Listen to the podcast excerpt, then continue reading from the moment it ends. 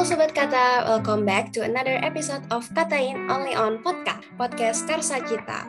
Katain atau Karsa Cita Internal merupakan podcast yang narasumbernya berasal dari anggota Karsa Cita. Hai hai, gimana nih kabarnya? Semoga kamu bahagia dan baik-baik saja Sobat Kata. Amin. Nah, tentunya biar Sobat Kata nggak bingung nih, siapa sih yang lagi nyerocos di episode kali ini? Kita kenalan dulu kali ya. Oke, halo semuanya. Aku Anita dan di sini ada temanku yang keren yaitu Kak Dita. Halo Kak Dita. Kita di sini dan sudah hadir juga nih teman-teman dari tim internal Karsa Cita. Boleh saya hai dulu dan perkenalan diri dong. Hai hai semuanya, perkenalkan aku Kilana Rinta dari Divisi Content Writer. Halo semuanya, perkenalkan aku Ferensa Pakalista, aku dari Divisi Community Development.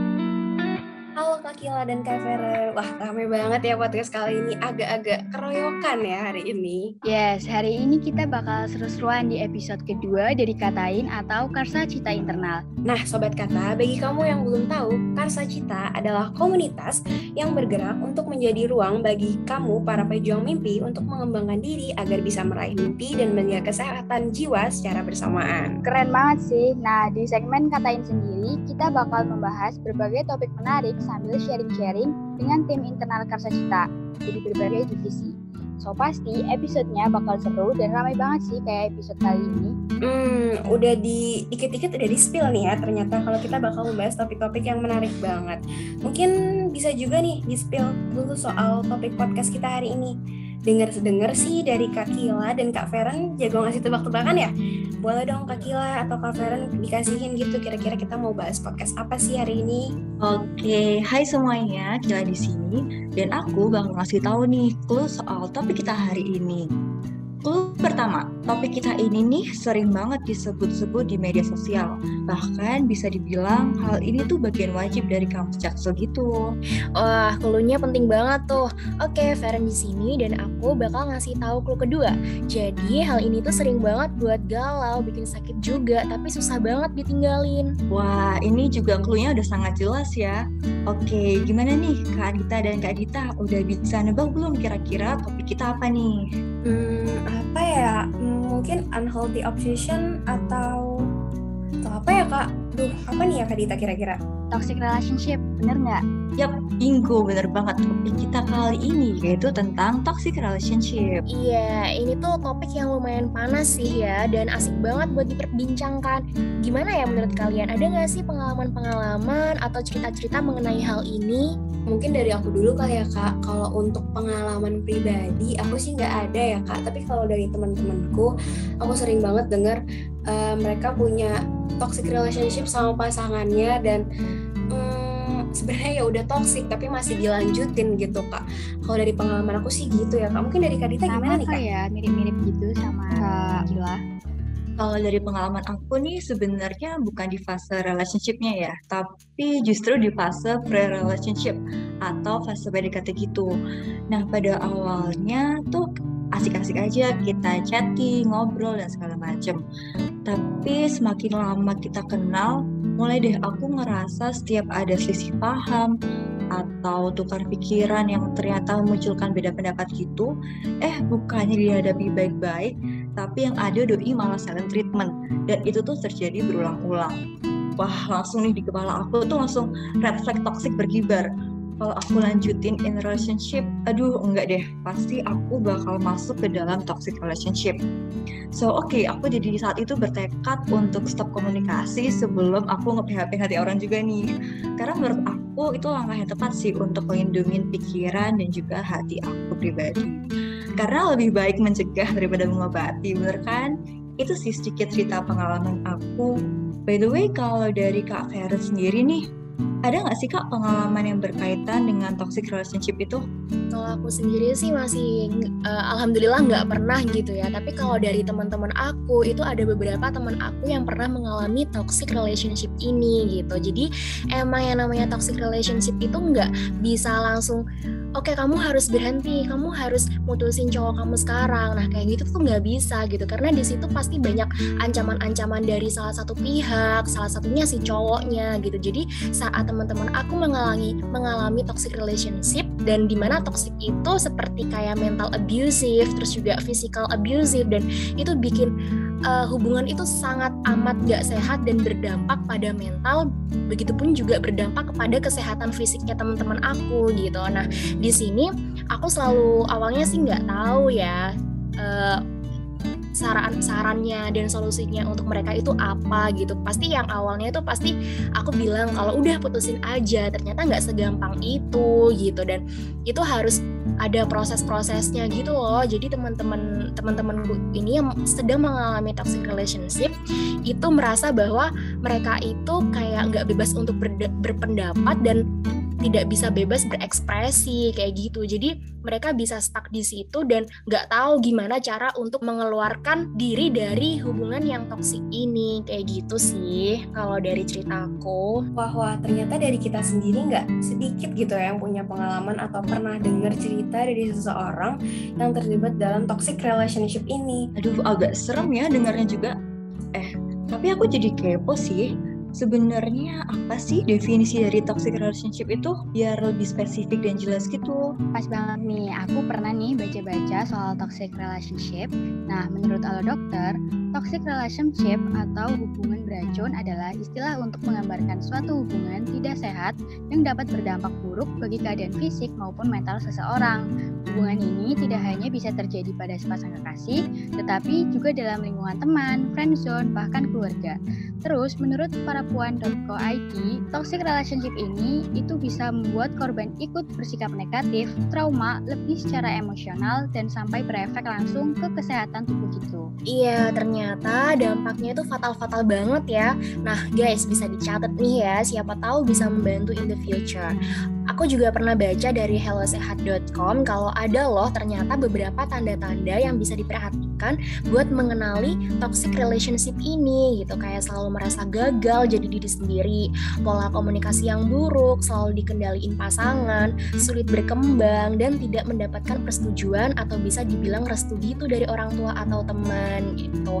Nah, kalau dari teman-teman aku ini uh, teman-teman aku ini juga mengalami ini sih karena dampaknya toxic relationship itu sangat serius banget ya. Jadi teman aku ini uh, tidak bisa apa ya sulit berkembang gitu untuk mengekspresikan dirinya terus juga nggak bisa menceritakan secara gamblang apa yang telah di, uh, dilakukan oleh pasangannya kepada dia kayak gitu dan dia itu sulit untuk curhat dan berbagi cerita kepada orang lain. Dan dia selalu dikendalin pasangan gitu. Jadi pasangannya itu selalu overprotective posesif sehingga teman aku ini mau ngebantah juga nggak bisa mau mutusin juga dikasih ancaman. Dan akhirnya dampaknya dia nggak bisa jadi diri sendiri gitu. Jadi selalu bergantung kepada orang lain selalu sedih dan selalu ngebatin. Kayak gitu sih kalau dari teman-teman aku kalau dari Kak Dita sama Kak Kila kira-kira ada nggak sih kak atau pernah nggak sih ngeliat tanda-tanda atau uh, ciri-ciri toxic relationship di hubungan sendiri atau di hubungan teman maupun orang lain kira-kira gimana nih kak?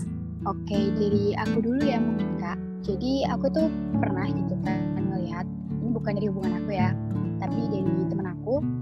Jadi teman aku ini kayak dikekang gitu loh sama teman satunya lagi. Oke kalau dari kak gimana nih kak? Kira-kira pernah nggak kak ngelihat temannya atau orang lain atau orang sekitarnya yang uh, pernah mengalami toxic relationship itu sendiri? Kalau dari pengalaman aku sendiri itu seperti yang udah aku ceritain tadi ya, dan aku juga setuju banget nih sama Kak Feren yang berkaitan dengan pola komunikasi yang buruk. Nah, tanda-tanda yang pernah aku alamin itu seperti silent treatment, dan juga aku pernah nih berhadapan sama orang yang playing victim gitu Wah sama banget sih kak, aku juga alhamdulillah aku nggak pernah ngalamin tapi temenku ada yang kayak uh, dia tuh udah di fase menurutku yang udah sebenarnya toxic relationship tapi tiap kayak aku mencoba mengingatkan dia tapi dianya kayak selalu denial buat bilang enggak kok hubungan aku sama pacarku masih sehat dan ya pokoknya selalu denial gitu deh kak. Kira-kira kalau dari aku gitu sih kak. Nah, ternyata kita juga sering banget ya dengar-dengar cerita hubungan di mana salah satu pihak itu dikekang, dicurigai berlebihan, diancam, bahkan sampai udah main tangan. Itu parah banget sih dan benar-benar bisa berdampak besar kan, especially untuk mental korban. Iya, setuju banget. Uh, mungkin contoh yang akhir-akhir ini lagi terkenal Dan terlihat banget itu kasusnya Johnny Depp dan Amber Heard ya. Wah, wah gimana tuh kak kasusnya? Aku kayaknya agak kudet nih kak, jadi kurang tahu dan kurang update berita terkini. Kalau boleh cerita, gimana sih kak ceritanya? Iya, ceritain dong, Kak Kila kepo banget asli. Oke, oke, sabar ya. Tenang saudara-saudara. Nah, jadi intinya di kasus itu diawali dengan Johnny Depp yang mengajukan gugatan pencemaran nama baik terhadap Amber Heard karena tulisan Amber di Washington Post yang menyatakan bahwa dirinya menjadi korban kekerasan rumah tangga. Sebenarnya sih artikel itu nggak menyebutkan nama Johnny Depp, tapi perceraian mereka memang sudah bermasalah sebelum artikel itu terbit. Tulisan itu benar-benar cukup merusak karir Johnny ia bahkan didepak dari Pirates of the Caribbean empat hari setelah tulisan tersebut rilis. Pengacara Amber mengklaim bahwa Amber menderita akibat kekerasan dalam berbagai bentuk, mulai dari fisik, emosi, hingga psikis. Di sisi lain nih, pihak Johnny justru mengatakan bahwa klaim itu fiktif dan Heard mengarang itu semua hanya demi meningkatkan karir di tengah isu gerakan MeToo. Selanjutnya juga banyak banget nih kesaksian yang malah memutarbalikkan keadaan dan justru membuat berbagai pihak menduga bahwa Amber lah yang sebenarnya melakukan KDRT. Jadi hubungannya bahkan udah tergolong ke abusif itu sebenarnya. Nah, sampai sekarang kasus ini masih dalam persidangan, teman-teman. Takut banget. Semoga kasusnya bisa segera terselesaikan ya. Tapi guys, kasus-kasus nyata gini tuh jadi membuat aku ngerasain kalau ternyata penting banget loh buat setiap orang untuk tahu langkah-langkah apa yang harus diambil kalau amit-amitnya nih lagi terjebak di dalam toxic relationship. Fits abis dengerin cerita-cerita kalian tadi, kebetulan aku jadi langsung searching nih soal cara keluar dari toxic relationship. Eh Anita ini gercep banget ya orangnya. Harus dong kak, harus gercep. Oke, jadi kalau yang aku baca dari yoursay.suara.com sih ya, ada 9 cara nih buat keluar dari toxic relationship. Yang pertama, pastinya segera mengakhiri hubungan. Yang kedua, mengurangi interaksi dan memutus komunikasi. Yang ketiga, melakukan kegiatan positif bisa dengan teman atau dengan keluarga. Yang keempat, mulailah bercerita kepada orang terdekat, uh, terutama orang-orang yang bisa kita percaya sih kak, kayak misalnya sahabat kita atau mungkin uh, orang tua kita, kayak gitu. Terus yang kelima, uh, mencoba merenungkan apa sih yang tidak bisa dia berikan kepada kita, kayak gitu. Nah yang keenam, jangan coba-coba pikirin dia lagi karena dengan memikirkan dia uh, secara tidak langsung akan ya gimana mau ngelupain kalau masih dipikirin terus. Yang ketujuh, coba mulai mau coba mulai kenal kenal dan cintai diri kamu sendiri. Yang kedelapan, jangan sal jangan pernah menyalahkan diri kamu sendiri. Yang kesembilan, pikirkan masa depan kamu seperti karir atau uh, kuliah kamu atau pekerjaan dan lain sebagainya. Wah, ini pengetahuan yang penting banget sih. Boleh banget dicatat ya sobat kata, tips-tips yang sudah dibacakan Kak Anita tadi. Bener banget nih, menurut aku juga uh, penting banget nih buat orang-orang yang mungkin sedang terjebak di dalam hubungan yang toksik atau toxic relationship untuk tahu kalau dia nggak sendiri kok. Kamu punya orang-orang yang sayang sama kamu dan mau bantu kamu. Yep, and when it gets too hard and complicated, Mungkin kamu juga bisa nih untuk meminta bantuan ke profesional ataupun tenaga-tenaga ahli lainnya. Ingat, it's not something to be ashamed of kok. Kamu nggak perlu ngerasa malu dan nggak perlu juga untuk menutup-nutupinya. Aduh, aduh, terharu banget nih Kak Kila ini bijak banget ya ternyata. Iya dong. Nah guys, BTW nggak kerasa ya kita udah membahas toxic relationship secara lengkap banget dari A sampai Z nih. Ya, ternyata nggak kerasa kita udah ngobrol selama kurang lebih 30 menit nih. Wah, lama juga ya. Harapannya sih semoga perbincangan kita hari ini bisa bermanfaat ya bagi sobat kata untuk kurang lebihnya, kami juga minta maaf. Yes, yes, yes. Dan kita juga semua berharap semoga kalian sehat, bahagia, dan semangat terus ya. Dan pastinya jangan lupa untuk pantengin terus podcast dan Instagram Karsa Cita for more content. Betul banget. Aku juga mau bilang thank you untuk kakak-kakak yang udah hadir dan bersedia buat ngobrol bareng-bareng. Itu so fun talking to you guys. Dan pastinya thank you Sobat Kata yang udah dengerin kami nyerocos di episode Katain yang kedua ini sampai akhir. Ah, bener-bener asik nih pembicaraan kita. Tapi aduh sayang banget ya Besti, durasinya terbatas nih. Tapi nggak apa-apa, semoga kita bisa bertemu di episode-episode selanjutnya. Sampai jumpa lagi Sobat Kata, dadah! See you guys! Baik Kak, terima kasih ya Kak Feren dan Kak Kila.